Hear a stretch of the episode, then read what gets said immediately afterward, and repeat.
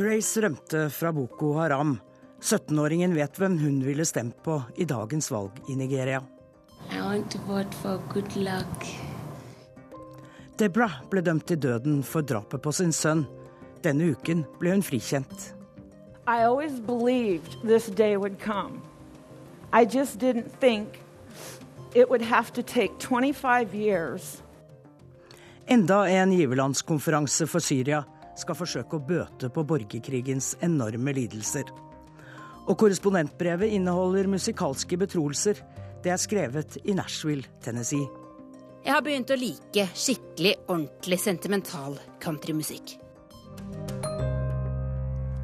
Dette er Urix på lørdag. Vi holder på frem til klokken tolv. Jeg heter Anette Groth. Vi starter i Afrikas mest folkerike land, Nigeria. Et land vi har hørt mye fra i det siste.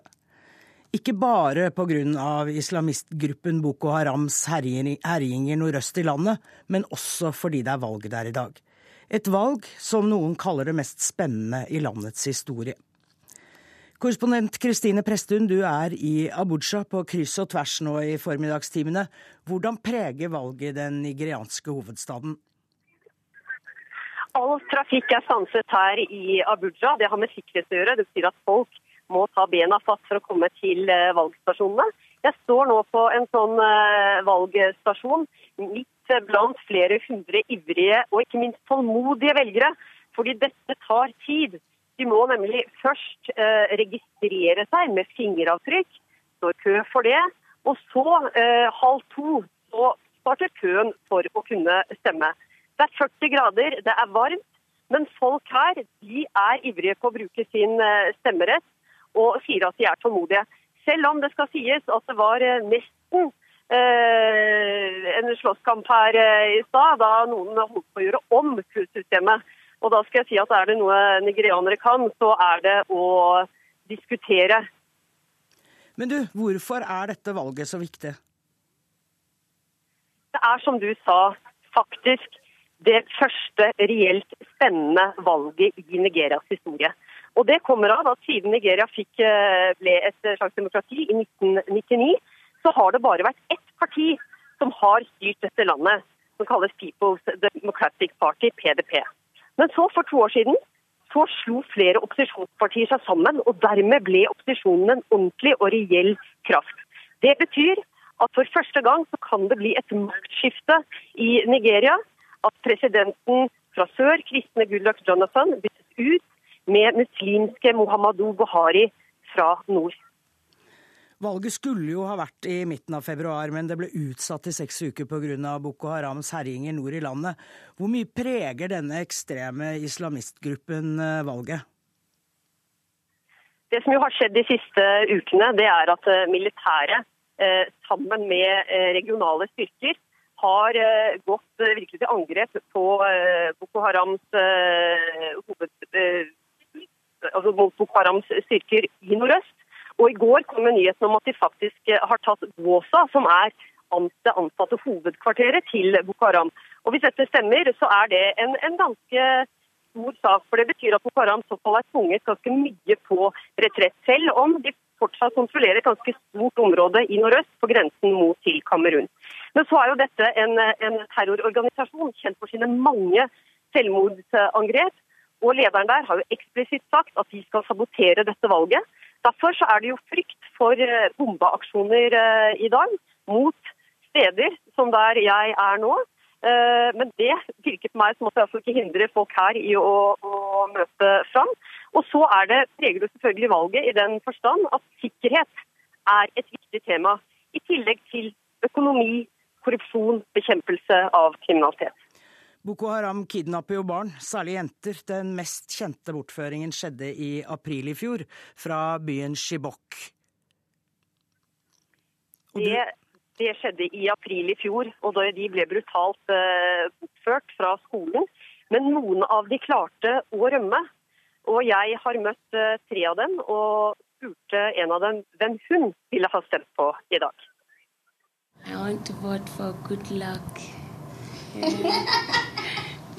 Jeg ville ha stemt på Goodluck Jonathan, sier Grace, mens de to andre jentene fniser. Grace er 17 år, har halvlangt hår, kjole med grønne blomster og et blikk som er overraskende strålende med tanke på alt hun har vært igjennom.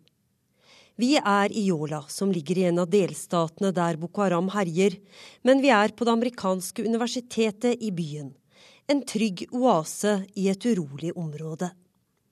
I et hvitmalt, moderne møterom møter jeg tre jenter som har opplevd et mareritt, men som nå forteller om sine favorittfag på skolen. Mine is English and biology. Mm, physics and chemistry. I like biology because it's the study of life. Jeg liker biologi fordi det er læren om alt som er levende, sier Grace, som selv har kjent på frykten for å miste livet. De tre jentene bærer med seg grufulle minner fra en dag i fjor vår. 14. april angrep krigere fra Boko Haram ungdomsskolen deres i Chibok og bortførte 276 jenter. Tre av disse jentene sitter foran meg nå. Grace, Martha og Deborah klarte å rømme fra de militante islamistene. Men jeg kan ikke spørre dem om hva som skjedde den dagen. Til det er minnene for vonde. Jentene er traumatiserte. I stedet spør jeg om foreldrene deres. Var ikke de redde for å sende dem tilbake på skolen? No, they are not afraid. Hmm, same thing. They are not afraid because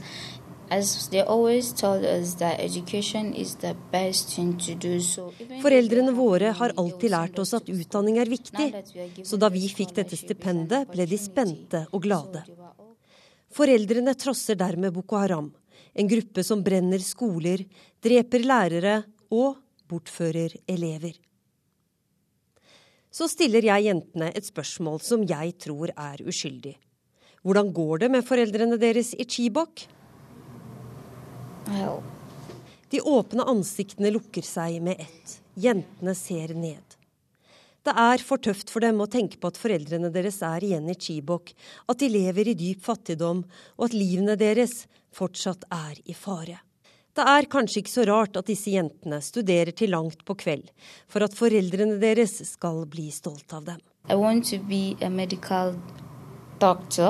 I need to know more of biology and then English, how to speak to people, how to prescribe medicine and other things. I want to be a medical doctor, that's why. I want to be a medical doctor. Sounds like Nigeria is going to have one, two, three good doctors. sure. yeah. Og de tre aspirerende legene sier de aldri vil glemme sin bakgrunn. Actually, as we are being brought up from poor background, we know what it means to be poor. I want to give myself to the community, doing services free of charge. Jeg vet hva det vil si å være fattig. Derfor vil jeg gi noe tilbake til folk i lokalsamfunnet, sier den 19 år gamle jenta som har flettet hår, florelett sommerkjole og et sjal over de smale skuldrene. Deborah er ikke hennes egentlige navn. Å avsløre identiteten til disse tre jentene vil være å utsette både dem og familiene deres for livsfare. De siste ukene har militæret tatt tilbake store områder fra Boko Haram. Men det er ikke nok til å berolige disse jentene. De vet at terrorgruppa har forsøkt å sabotere valget med utallige overgrep og selvmordsaksjoner. It's because of these elections that for now little children, women being made widows, is all because of these elections. Det er pga. dette valget at folk lider. Barn blir drept og kvinner blir gjort til enker, sier Deborah, som mener at det først er håp om fred etter at valget er overstått. After this election, we are hoping and praying that maybe back and then a peaceful Chibok once again. De er smertelig klar over at de er tre heldige jenter som sitter her på American University Yola og ikke befinner seg i Bokharams fangenskap. 219 jenter er fortsatt savnet. Deborah bruker en lignelse fra Bibelen for å sette ord på sine følelser. Um, I just want to give an example with the Israelites in the Bible. They went for exile into is it Babylon. They suffered there. They live in a kind of life, slavery, and all those stuffs.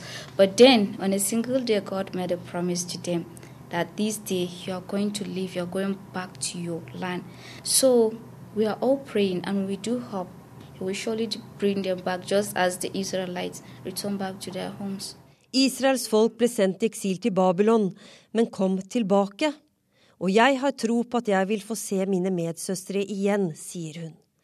Ved siden av Deborah sitter Martha i rosa tøff T-skjorte, trange sorte jeans og med et beskjedent blikk. Stemmen er spak, men budskapet klart. Mm, so De ber alle tre for sine bortførte medsøstre, og håper at de kan gjenforenes i et fredelig Nigeria. I pray about it for the rest of the girls that are still with the Boko Harams that one day they will be set free. Tre jenter som håper eh, at de skal se igjen sine venner, heldige nok til å klare å rømme fra Boko Haram. Det er altså valg i Nigeria i dag. Akkurat nå kommer det en melding fra nyhetsbyrået Reuters om at det har vært en eksplosjon ved et stemmelokale i byen Afka øst i Nigeria. Foreløpig er det ikke kjent hvem som står bak. Nigerianerne ser på Boko Haram som den største sikkerhetstrusselen i landet, spesielt i nord. Det viser en fersk undersøkelse fra organisasjonen The Global Initiative Against Transnational Organized Crime.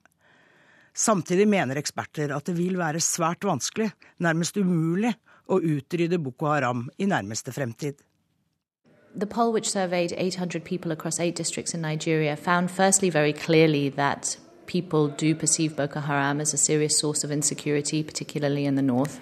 Undersøkelsen viser at folk ser på Boko Haram som en stor sikkerhetstrussel, spesielt i nord.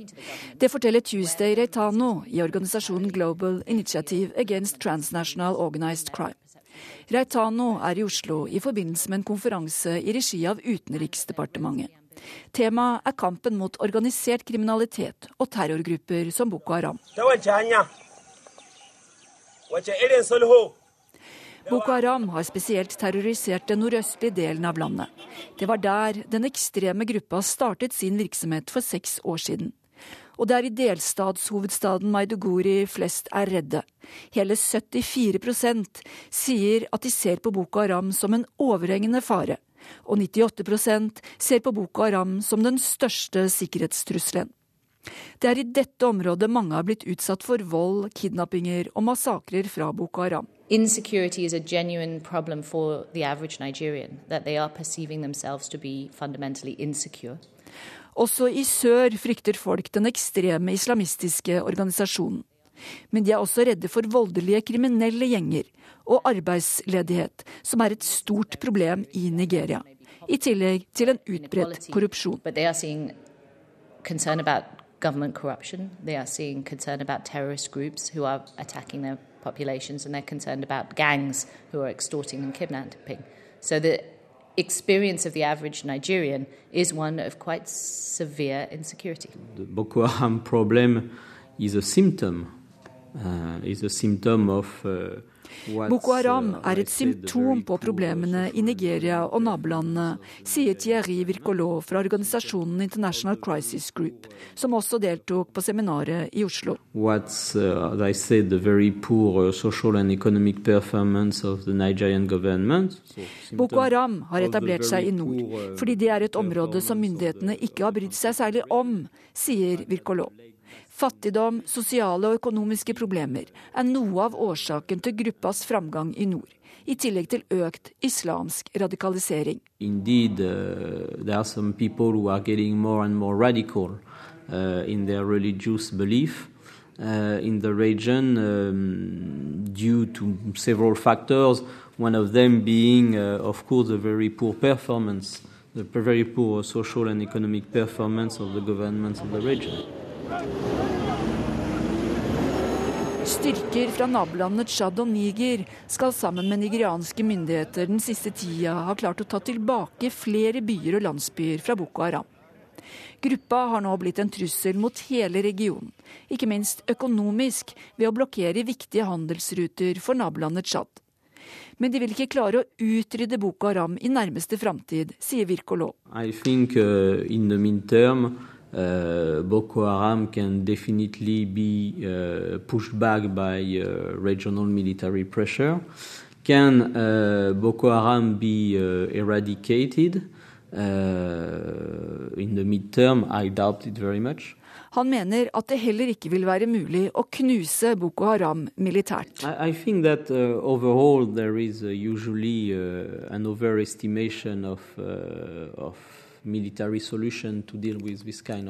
det er overdreven tro uh, på at man kan løse slike problemer militært.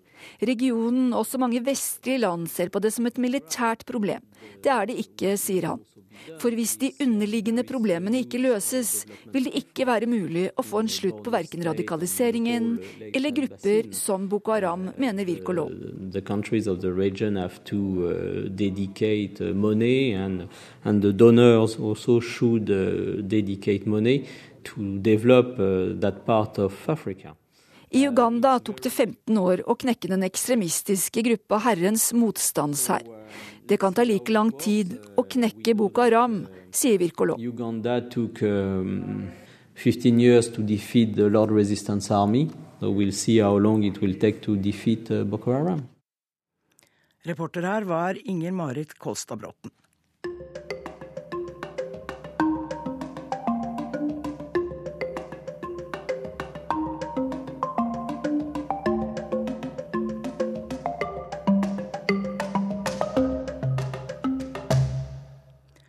En historie grep meg denne uken. En historie som kanskje druknet litt i flystyrt og andre store nyheter. Den handler om 51 år gamle Deborah Milky i Arizona, som ble frikjent for å ha drept sin fire år gamle sønn Christoffer for over 20 år siden. Etter drapet, like før jul i 1989, ble hun dømt til døden og havnet på den såkalte death row, den delen av amerikanske fengsler der de dødsdømte sitter og venter på at dommen skal fullbyrdes. I over 20 år satt hun der, men nå er hun fri. Ikke bare er hun utypisk blant fangene på death row, hun er kvinne og hun er hvit, men bare én gang før i USAs nyere historie har det skjedd at en dødsdømt kvinne får dommen omgjort og blir løslatt. I had absolutely nothing to do with the brutal murder of my son Christopher. And I did not give a confession to Mr. Soldati. Deborah Milky sier det hun alltid har sagt. Hun hadde ingenting med sin sønns død å gjøre. Og hun tilsto aldri, slik en politimann med et frynsete rykte allerede den gang hevdet at hun gjorde. Han hadde det ikke på tape, det var ingen vitner, det var bare han som angivelig hørte det. Derfor ble det hans påstand mot hennes. Konstabel Soldatets utsagn veide tyngst, og Deborah Milky ble dømt til døden. Hun har hele tiden trodd, sier hun, at denne dagen ville komme, men hun hadde aldri trodd at det ville ta over et kvart århundre. I always believed this day would come. I just didn't think it would have to take 25 years Dødsstraff i USA har lange tradisjoner. Avstraffelsen er omstridt, og den praktiseres forskjellig. Av de 50 delstatene er det bare 32 som har dødsstraff. Seks stater avskaffet den etter en lovpresisering for åtte år siden, og to stater har dødsstraff, men har ikke henrettet noen siden 1976 etter at USAs høyesterett noen år tidligere hadde stilt spørsmål ved hvorvidt dødsstraff var grunnlovsstrid eller ei, så ble den gjeninnført det året, og Gary Gilmore ble den første som ble henrettet i USA på flere år. On January 17th the next year, Gary Gilmore became the first execution of the modern era of capital punishment when he was shot by a Utah firing squad. Det sitter drøyt 3000 dødsdømte fanger i amerikanske fengsler og venter på å bli henrettet.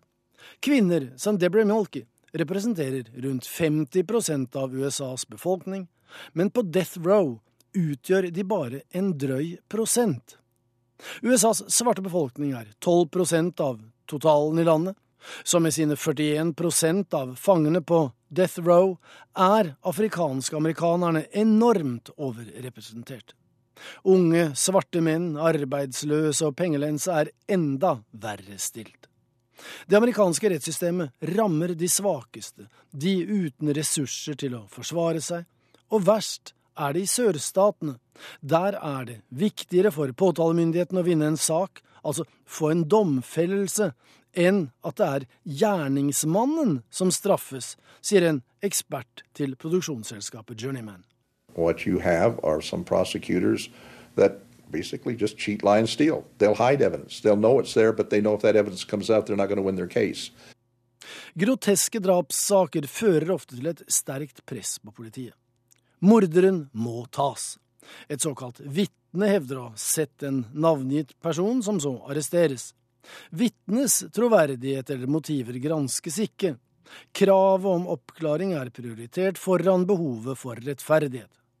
Ofte befinner den arresterte og senere dødsdømte seg i offerets nærhet.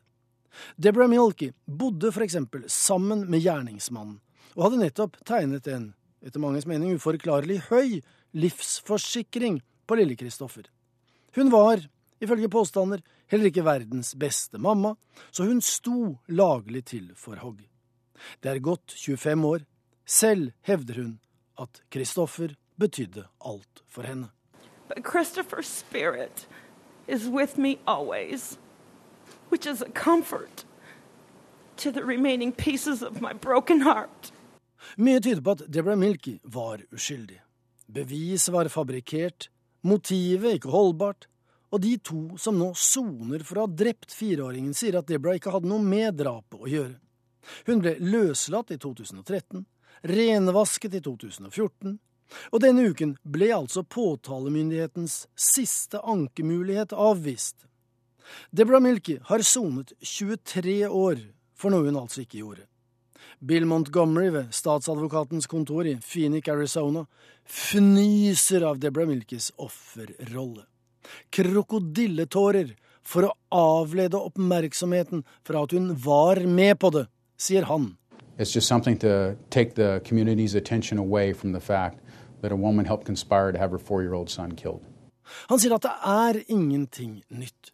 Juryen tok en riktig avgjørelse den gang, og hun ville blitt dømt igjen, er Bill Montgomerys påstand i dag. I've seen nothing in reviewing the entire trial transcript or anything that's been brought up since that would cause me to question the decision of the jury when she was first convicted. I en rekke stater tar det lang tid å få eksekvert en dødsdom. I California er den hyppigste dødsårsaken blant de dødsdømte ikke giftsprøyte, men høy alder. De dør en naturlig død mens de venter. Ankemulighetene er mange, dødsstraffmotstanderne iherdige, og tidene skifter. På 90-tallet var mer enn 80% av amerikanerne tilhengere av dødsstraff. I dag er prosenten rundt 60.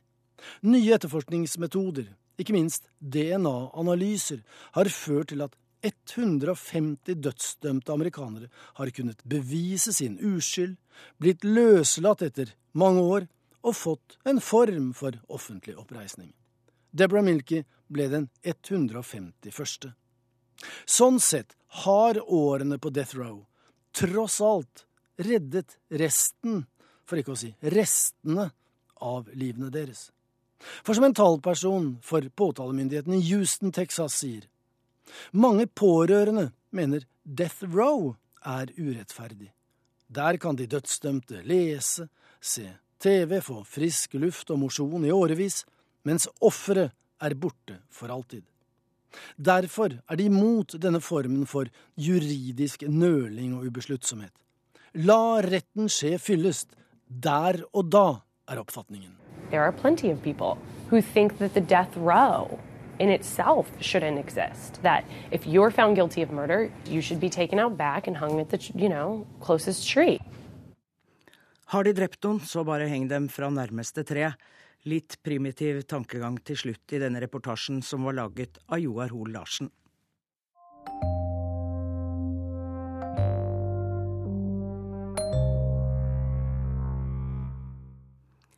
Det er over to år siden Venezuelas omstridte president Hugo Chávez døde, men fremdeles feires han som en stor helt, ikke bare i hjemlandet, men i det lille mellomamerikanske landet Nicaragua. Der markerte innbyggerne nylig ikke toårsjubileet for Chávez død, men toårsjubileet for hans overgang til udødelighet. Jeg står her i den stekende sola i en av eh, Managuas mest trafikkerte rundkjøringer. Bussene farer forbi, og eksosen spruter ut. Men det er eh, rundkjøringen i seg selv som er en eh, stor attraksjon. Midt på står nemlig en slags installasjon, en fargerik, utklippet plakat 20 meter høy. Og det den framstiller, er selvfølgelig en stor venn av regjeringspartiet her i Nicaragua. Venezuelas avdøde president Hugo Chávez. Nede i et åpnet kumlokk finner jeg tre arbeidere. De har ansvar for å vedlikeholde den store fontenen i det som nå heter Hugo Chávez-rundkjøringen.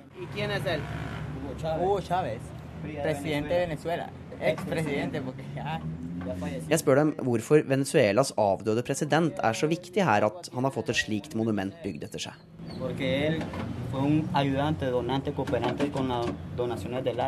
Han elsket Nicaragua, forteller de. Chávez ga landet vårt en ny daggry. Han bryr seg om de fattige.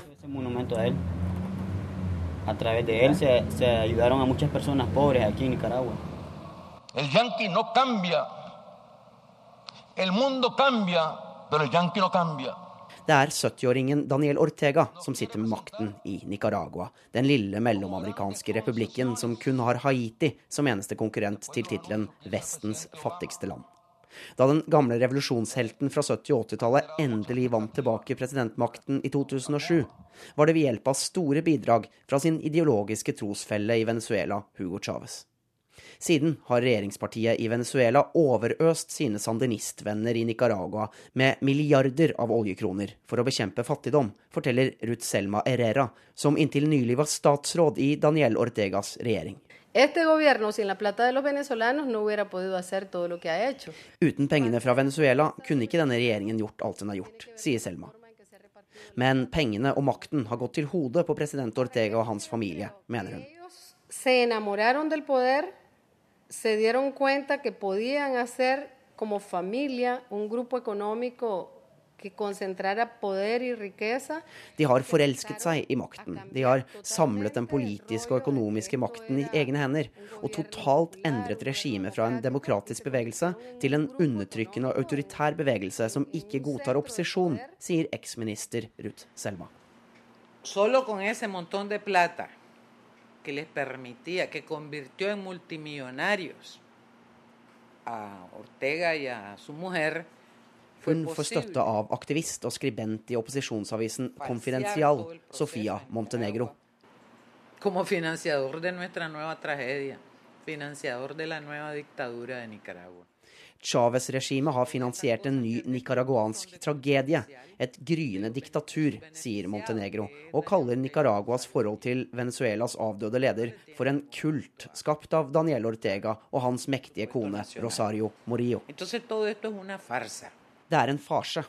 Men venstrevridde idioter i Latin-Amerika og over hele verden har latt seg forlede til å tro at dette er en venstrevridd og revolusjonær regjering, sier Montenegro, som selv kjempet med marxistgeriljaen sandinistene mot Somoza-diktaturet på 70-tallet. La plata de Venezuela no ha beneficiado al pueblo de Nicaragua. La Pengene fra Chávez har ikke hjulpet Nicaraguas fattige, like lite som de har hjulpet Venezuelas fattige. Snarere tvert imot har det skapt en elite av multimilliardærer. Problemene er de samme, mens friheten til å uttrykke sine meninger har blitt innskrenket, sier Montenegro. Hun mener at Nicaragua, i likhet med Venezuela, gjennomgår en brutalisering og militarisering, der kun de som gir sin uforbeholdne støtte til regjeringspartiet, mottar hjelp. I en annen rundkjøring i Managua treffer jeg Moriel og hundrevis av andre fra sandinistpartiet. Den kraftige vinden river i det svarte og røde sandinistflagget hun holder i hånda. Vi viser solidaritet med Venezuela og markerer to år siden Hugo Chávez' bortgang, sier hun. Venninnen holder et stort blått, gult og rødt venezuelansk flagg. Eh. Vi er revolusjonære borgere, og sammen er vi sterke. Og vi vil vise vår støtte til brødrefolket i Venezuela og til kamerat Daniel Ortega og hans partner Rosario. Reporter i rundkjøringene i Managua, Stig Arild Pettersen. Du hører på Urix på lørdag. Klokken har akkurat passert 11.33. Syria er et av temaene i den neste halvtimen. Og i korrespondentbrevet fra Nashville, Tennessee, kommer oppsiktsvekkende betroelser fra Tove Bjørgaas. Jeg må bare innrømme det. Innerst inne har jeg nok en hemmelig drøm om det Dixie Chicks synger om i en annen fin og sentimental countrylåt. At det skal komme en cowboy og ta meg med ut på nye eventyr. Men nå til situasjonen i Jemen. Saudi-arabiske skip har evakuert flere titalls utenlandske diplomater fra havnebyen Aden sør i landet. Det melder en statlig fjernsynsstasjon i dag. Evakueringen skjedde etter kamper i, eh, i Aden mellom tilhengere og motstandere av Jemens president Abdrabbo Mansour Hadi. Samtidig så har saudi-arabiske kampfly fortsatt angrepene mot den sjiamuslimske Houthi-militsen i Jemens hovedstad Sanaa. Denne militsen er alliert med Iran og i opposisjon til president Habi. Midtøsten-korrespondent Sigurd Falkenberg Mikkelsen, det er ikke så enkelt dette her, men hva er det siste vi vet om evakueringene og kampene i Jemen? Evakueringen har pågått fra flyplassen i Sanaa, Jemens hovedstad. Eh, det kommer rapporter om at de internasjonale diplomatene bl.a. er fraktet til eh, Jordan. Eh, når det gjelder situasjonen i Sanaa, så beskrives det som en spøkelsesby av frykt for nye flyangrep. Mens Jemens nest største by, Aden, der er det nå rapporter om gatekamper, om befolkningen som bevæpner seg for å stå stå imot Houthi-militsen, som nå står ved byens porter. Det har også kommet rapporter om at flere av militærbasene som eh, var allierte med president Hadi, har falt, eh, og at de nå er eh, utsatt for plundring.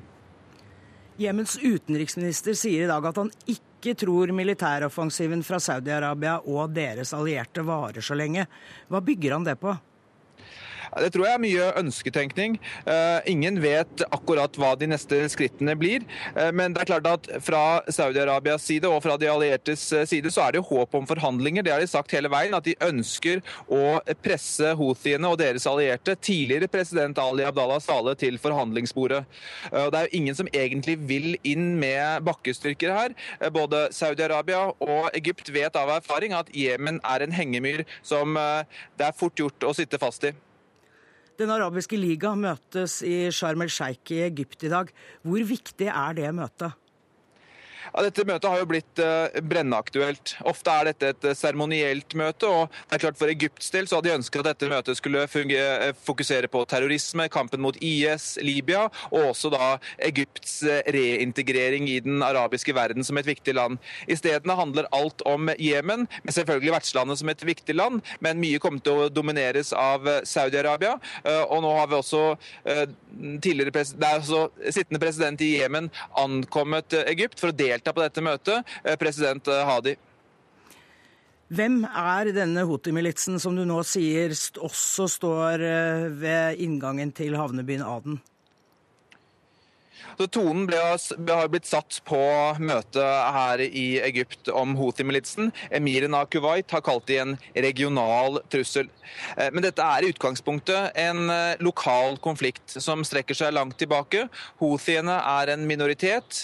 De tilhører en gren av eh, shia-islam, mens majoriteten i Jemen er sunnimuslimer. De har hatt en lang kamp gående mot sentralmakten. De føler at ikke de har blitt prioritert, ikke har fått like mye midler som andre deler av landet. Jemen er et av verdens aller fattigste land. Så denne kampen har de ført lenge. De har søkt støtte der de har funnet den tidligere. På 1960-tallet var det faktisk i Israel. Nå får de den fra Iran. Og det er med på å gi det denne regionale dimensjonen, for det skriver seg også inn i et bilde av en pågående konflikt mellom Saudi-Arabia og Iran. Eh, militsen har jo da kontroll over ganske mye av dette landet. Hvis de nå ikke var blitt angrep, eh, angrepet av denne, denne koalisjonen med Saudi-Arabia i spissen, ville de klart å erobre hele Jemen, tror du? De er fortsatt eh, på god vei til i hvert fall ta deler av landet. De fortsetter offensiven og rykker fram trass disse luftangrepene. Og det er så vidt jeg ser, så har ikke Saudi-Arabia noen sterke allierte på bakken. President Hadi har vist seg å være svak. Det har vi sett det siste halvåret, også de siste, den siste uka. Og Houthiene er alliert da med Sale, som har allierte i i det jemenittiske militæret. Sånn at De vil nok ha en mulighet til å ta noe kontroll i landet, men ikke hele. Jemen er veldig vanskelig å regjere, og Shia, eh, denne Shia-gruppen er en liten gruppe. Eh, men i en allianse med president, tidligere president Saleh så ville de kunne få mye mer makt enn de har nå. Men vi skal også huske på at store deler av dette landet uh, står Al Qaida uh, på den arabiske halvøya veldig sterkt, og de har ikke vært innblandet i denne konflikten ennå. Sigurd Falkenberg Mikkelsen, takk skal du ha.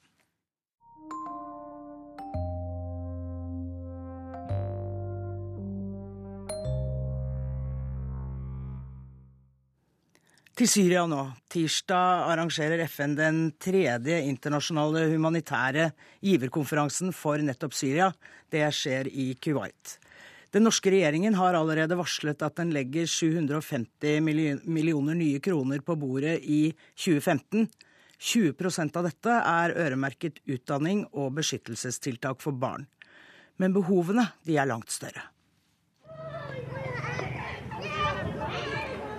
Søskenflokken på seks pleide å ha et hus, et hjem. De pleide å leve et normalt liv i Syria. Nå bor de i et telt i Libanon, et telt som oversvømmes når det regner og er kaldt når det snør. Situasjonen for barn i Syria har vært et helvete de siste fire årene. Nå går vi inn i det femte året. Kristin Ingebrigtsen kom nylig hjem fra et flere måneder langt opphold i Syria for Redd Barna. Borgerkrigen har gjort tolv millioner syrere til flyktninger. De fleste har ikke krysset noen landegrense. Behovene er enorme, og millioner av barn inne i Syria opplever de verste grusomheter. De er Tusenvis av barn drepes enda mange flere tusen barn lemlestes.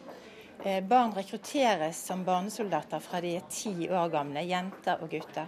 Barn voldtas. De blir brukt i veldig vanskelig og hardt arbeid. Barn mister barndommen sin. Barn får ikke gå på skole. Barn sørger over alle tapene sine. Barn sørger over tap av en mor, en bestemor, en venn av vennene sine, av teddybjørnen sin som blir liggende hjem, hjemme. Eh, så barn opplever et skikkelig helvete, og det er vårt ansvar å ta den lidelsen disse ungene utsettes for, virkelig innover oss. Og skjønne at det er en hel generasjon som er i ferd med å gå tapt. Utenriksminister Børge Brende er snart klar for å delta på FNs tredje giverlandskonferanse for Syria. FN fikk nylig flengende kritikk av over 20 hjelpeorganisasjoner for ikke å ha gjort nok for sivilbefolkningen. De eh, humanitære behovene i Syria og i nabolandene er enorme. Vi står overfor en humanitær katastrofe. Norge er allerede en av de største giverne til regionen. Men med de økte behovene så legger vi 150 millioner eh, mer inn i satsing, ikke minst på barn. Så Norge vil i år gi 750 millioner kroner. Dette vil vi varsle på dette viktige giverlandsmøtet i Kuwait, og håpe at andre land følger og etter, for det trengs mer ressurser nå. Over halvparten av Syrias barn går ikke lenger på skole. Redd Barnas generalsekretær Tove Wang er derfor særlig glad for at de friske pengene øremerkes utdanning og beskyttelse av barn. Det at dere setter fokus på utdanning og barns beskyttelse er spesielt bra. Et eh, skritt i riktig retning, sier du. Når blir du uh, fornøyd? Ja, Det vi som organisasjoner har eh, bedt om, er at det skal opp i 1,5 milliarder i løpet av to år. Så man må gå flere skritt her. Og når det er sagt, så mener vi også at vi ikke bare kan betale oss ut av konsekvensene av krigen i Syria, men at vi også må ta tak her hjemme. Så eh, jeg ønsker jo at justisministeren eh, følger i Brendes spor og viser den raushet og den eh, handlekraften som utenriksministeren her har vist. Vi har økt kvoten i inneværende år. Vi er et av de landene som forholdsmessig sett tar imot flest eh, kvoteflyktninger, og vi bidrar eh, veldig mye i området. Så jeg tror vi må først erkjenne at Norge gjør eh, en viktig innsats, og så får det alltid være en diskusjon om eh, vi kan gjøre enda mer. Det syns jeg er helt, eh, en helt real diskusjon. Imens fortsetter krigshandlingene i Syria. Millioner av barn er vitner til vold og drap. Møter med disse barna er det som gjorde sterkest inntrykk på Redd Barnas Kristin Ingebrigtsen. Det var en eh, liten femåring som, eh, som så at eh, mange som var til stede når flere familiemedlemmer ble drept av soldater. Familien flyktet, og de bor nå i et telt. Denne lille gutten på fem har snekret seg et lekegevær. Og han sitter kontinuerlig utenfor dette teltet med lekegeværet sitt, og skal på den måten beskytte familien sin. Sånn at ingen soldater noen gang mer skal komme og gjøre familien hans noe vondt. Fortalte Kristin Ingebrigtsen i Redd Barna. Reportere var Gry Blekastad Almås og Anders Tvegård. Hver eneste dag kommer det en rekke bilder inn til redaksjonen her fra alle verdenshjørner, ikke minst fra Syria. Mye flimrer forbi, men en gang iblant gjør bildene at du stopper opp. Forsøker å leve deg inn i noen liv, slik jeg gjorde det da jeg kom over historien om den syriske flyktningen Hassan og familien hans her forleden. De går langs elven Hassan og den lille sønnen hans Jafar. Vi er i Bekadalen i Libanon. Hit flyktet Hassan med kone og tre barn. Hjemme i Syria drev han billeutleie, hadde hus og levde et godt liv. Hassan har med fiskestangen. Er han heldig, klarer han å skaffe familien mat. يعني هلا يوم اللي بطلع وما بيطلع معي بقعد وبحاول وبمشي النهر كله وكذا وما بيطلع معي سمك de dagene jeg ikke får fisk, er totalt mislykkede. Jeg går opp og ned langs elven her i timevis, sier Hassan. Hans markerte ansikt forteller om vanskelige tider.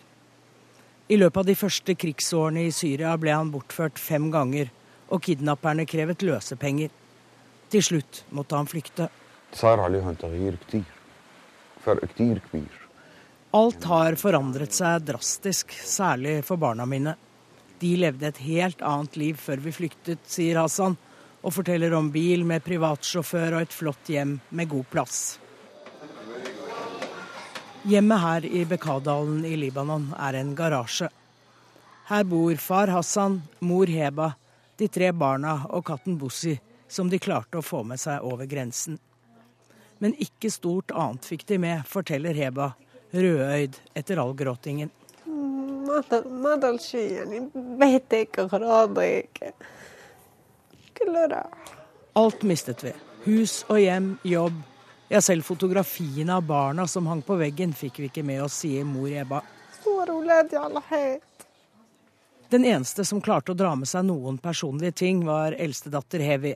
كل شيء جبته شنات المدرسة جبتهم الأقلام هي سوريا Hun viser stolt frem skoleutstyr, hårbånd og en Barbie-dukke som stammer fra den gangen de bodde i Syria. På barns vis aksepterer hun tilværelsen. De to små jentene er begynt på skole i Libanon, mens lillebror Jafar foreløpig er for liten. Han og pappa leker med Lego i stedet. Mamma Heba forteller om hvordan jentene måtte slutte på skolen i Syria. تاني يوم اجوا نزلوا على المدرسة اجت قذيفة بالمدرسة ورحنا لقينا كل وقت اللي جابهم ابوهم Skolen ble truffet av en bombe. Vi løp livredde av gårde for å finne barna våre, og fant dem vettskremte under pultene i et av klasserommene, sier Heba. Hun forteller at etter det var det få foreldre som turte å sende barna på skolen, og beslutningen om å flykte fra landet ble styrket.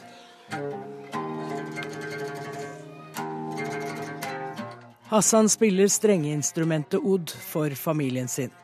Han forsøker så godt han kan å skape noe godt ut av den vanskelige situasjonen.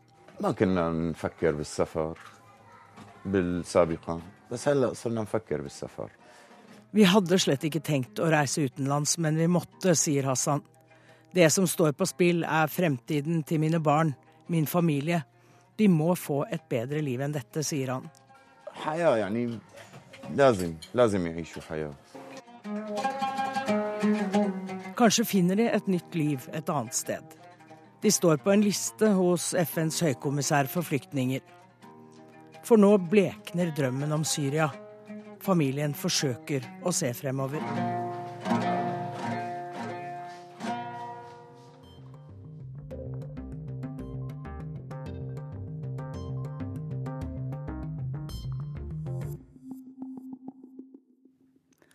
Er mye trist i verden, men ikke i ukens korrespondentbrev. Det handler om å bli både glad og sentimental av skikkelig upretensiøs amerikansk countrymusikk. USA-korrespondent Tove Bjørgaas er fortapt i Nashville.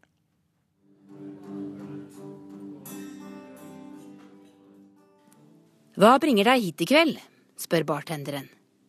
Jeg bestiller en Amber Ale han anbefaler, og lener meg tilbake på den behagelige barkrakken med ryggstø. Hva brakte deg hit? spør jeg. Han er ung, med langt, mørkt hår i hestehale og indiansk utseende. Han forteller at han flyttet hit fra Ohio for noen år siden pga. det gode arbeidsmarkedet. Det er et godt sted å bo. Bare boligprisene kunne slutte å stige, sier han. Han og kona skulle gjerne ha kjøpt et større hus, men nå er det blitt så dyrt. 1,8 millioner kroner for et hus med fire soverom i et godt strøk. Det lyder himmelsk, tenker jeg, mens de fire karene med hver sin gitar oppe på scenen begynner på neste låt.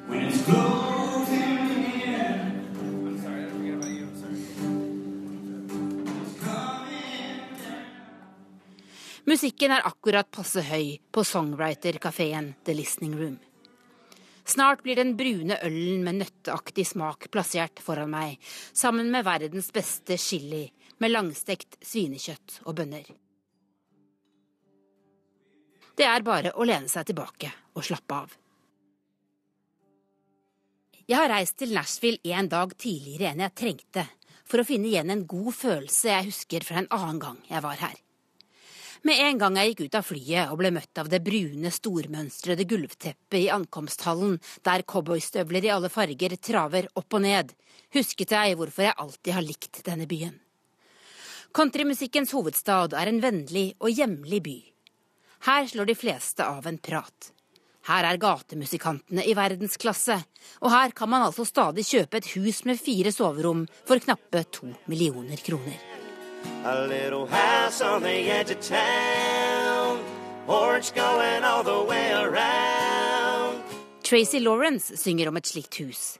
Ikke på scenen her i kveld, men i et opptak fra 2010 fra en annen bar i Nashville. Han synger om et hus med veranda som går hele veien rundt. Litt sånn i utkanten av byen.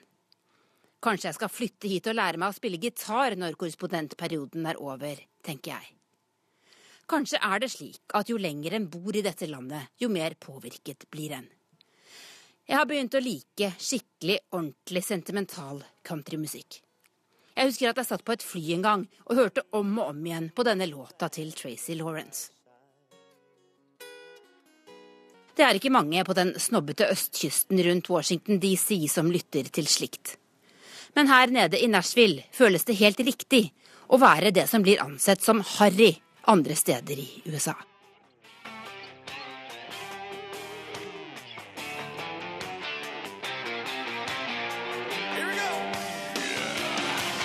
Dagen etter freser fotografen og jeg rundt i byen, som alltid litt sent ute til neste avtale. Will, som slett ikke er fra Nashville, men fra tjukkeste Manhattan, finner fram låta som kanskje forklarer dette med country og kulturforskjeller.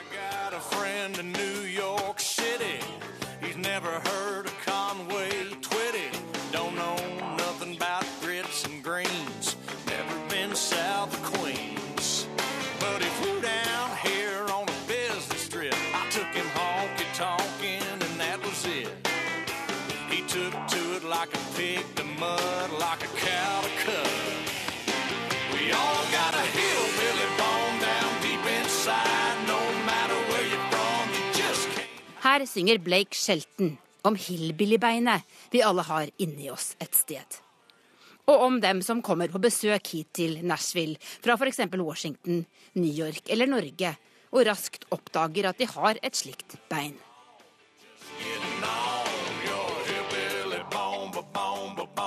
Du kan synge om det meste her i byen.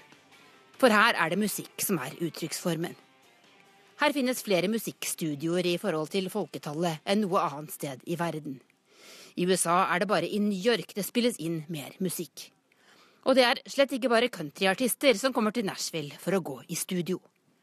Vi stikker gjennom musikkstudioet Ocean Way, som ligger i en ombygd kirke med fantastisk akustikk.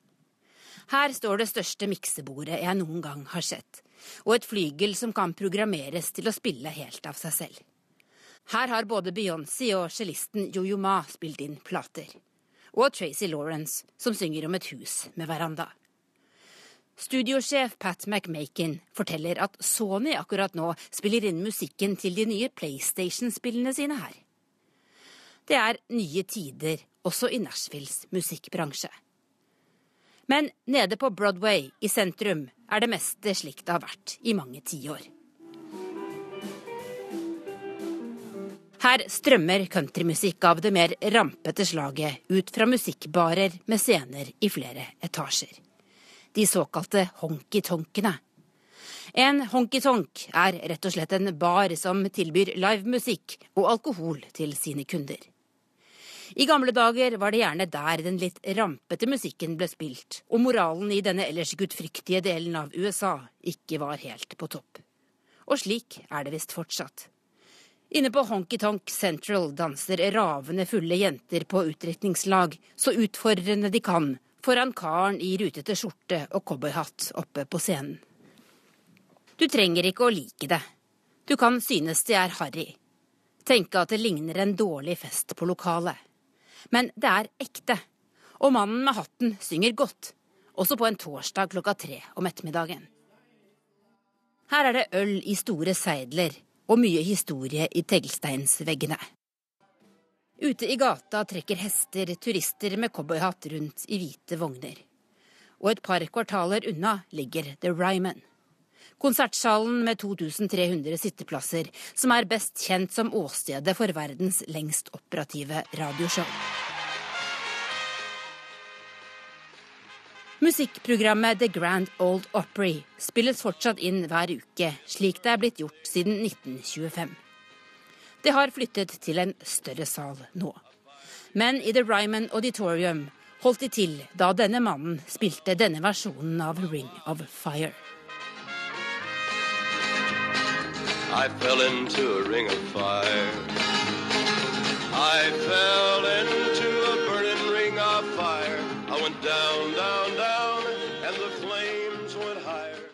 Jeg tenker at jeg må se filmen om Johnny Cash og June Carter en gang til når jeg kommer hjem.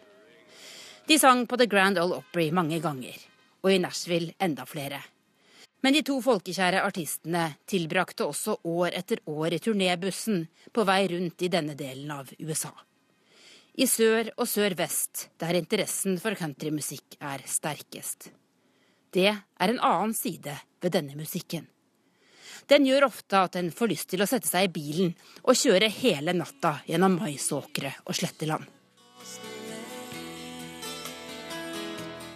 Mitt eget favorittband skildrer det slik i låta som handler om en kjøretur fra Georgia til Texas på en vårdag som denne.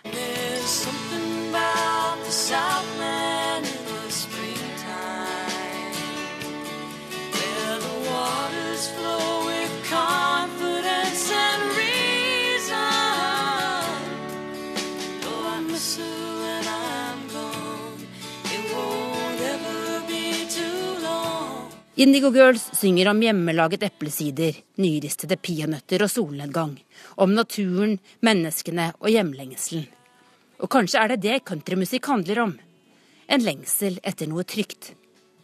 Jeg lar meg rive med og tar en rask avgjørelse. Jeg rusler nedover Broadway og går inn på cowboystøvlebutikken jeg allerede har besøkt tre ganger det siste døgnet. De er svindyre. Det er de dyreste skoene jeg noensinne har kjøpt. Men støvlene i brunt skinn med broderte blomster er perfekte. De kommer liksom fra en annen verden. En trygg og landlig verden der en kan leve uten boliglån, med snille mennesker med god tid rundt seg. Jeg må bare innrømme det. Innerst inne har jeg nok en hemmelig drøm om det Dixie Chicks synger om i en annen fin og sentimental countrylåt. At det skal komme en cowboy og ta meg med ut på nye eventyr.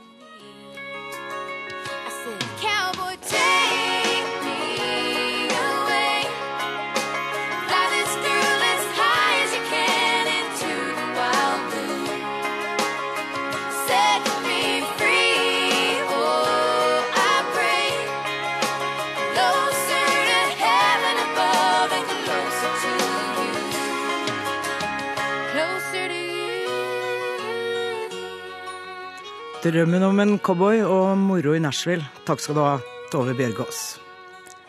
Her i studio har vi tenkt å slå av lyset nå, og det bør du også gjøre. Ikke nå, men eh, klokken halv ni i kveld. Og la det være av i én time.